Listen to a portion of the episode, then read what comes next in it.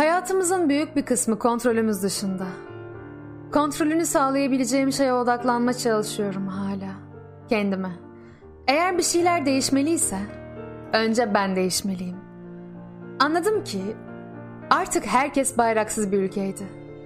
Beyinler tel örgülerle çevriliydi. Yürekler mayınlarla.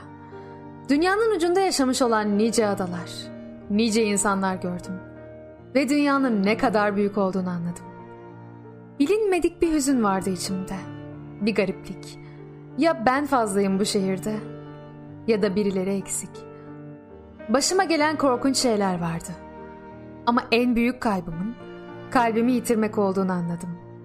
Değişmeyi, iyi biri olmayı, hissetmeyi, sevmeyi, hepsini isterdim.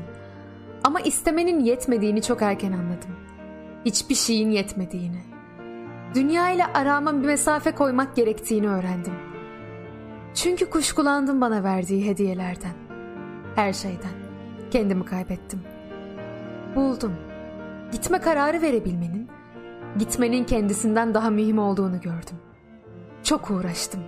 insanların söküklerini dikmek için. Ama beceremedim. Anladım ki sökük kişilikteyse dikiş tutmuyor. Aklımı kullanma cesaretini göstermeyen, basmakalı fikirlere saplanıp kalan ve onların dışına çıkmayan, bildiği şeyleri, bilmediği şeyleri de hakkında biliyormuş gibi uzun uzun tartışan, araştırmayan, sorgulamayan herkese tartışmak vakit kaybıdır. Ben çok taşa gülle karşılık verdim. Çok şey affettim.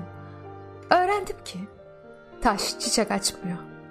Bunu suyu boşa harcadığımda anladım. Ben en iyi hayat derslerini bana hiç benzemeyen insanlardan öğrendim. Benzerlerimin aklında geçenler benim de düşünebildiğim şeylerdi. Ama benzemeyenleri okudukça daha geniş düşünmeye başladım. Farklı fikirler iç dünyamı genişletti. İç dünyam büyüdükçe dış dünyamın da büyüdüğünü gördüm. Karanlığı öğrendim. Alaca karanlığı.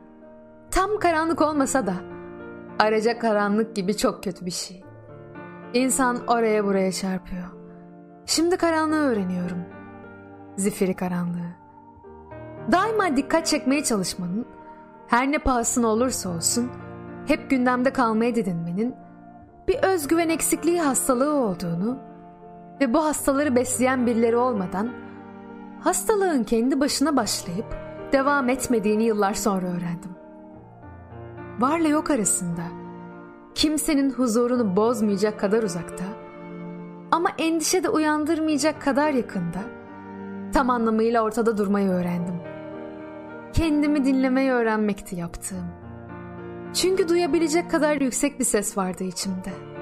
Bunu fark edince dünya üzerindeki bütün insanlar birden yok olsalar dahi yalnız kalmayacağımı anladım.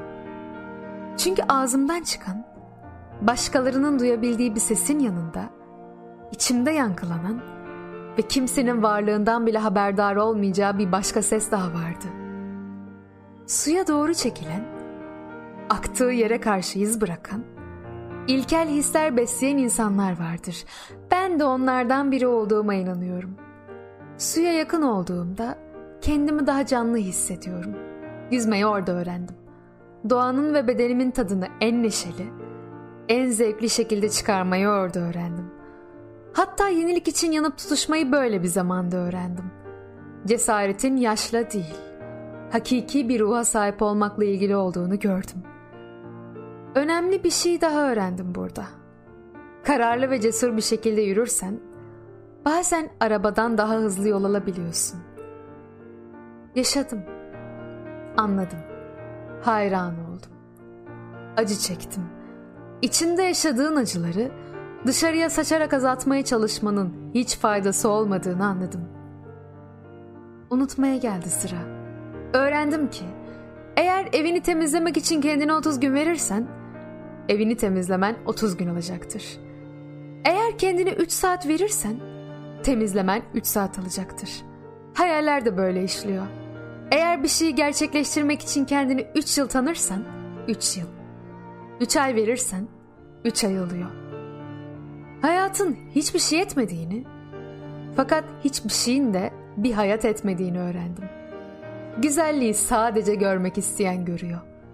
Gönlüyle bakmayan çabana kör kalıyor. Ne yaparsan yap, sonunda çaban inkar ediliyor. Şu hayatta hiçbir şey öğrenmediysem, gerçek tek bile olsa, o gerçeği herkesin kendine göre yorumladığını, gerçeğin bakan göze göre değiştiğini, herkesin doğrusunun farklı olabileceğini öğrendim. Bir insanın başka bir insanla ilişkisinin düz bir doğru üzerinde olmadığını anladım. Anladım ki kötülükler birbirine dolanarak büyüyor. Ve yine anladım ki ancak yok sayarak hayatta katlanabiliyor insan. Kaygıyı ve korkuyu asla aşamayacağımı ama beni durdurmamasına izin vermemem gerektiğini öğrendim. Bir de eve benim diyebilmek için orada yaşamış olmak yetmiyormuş. Onu anladım.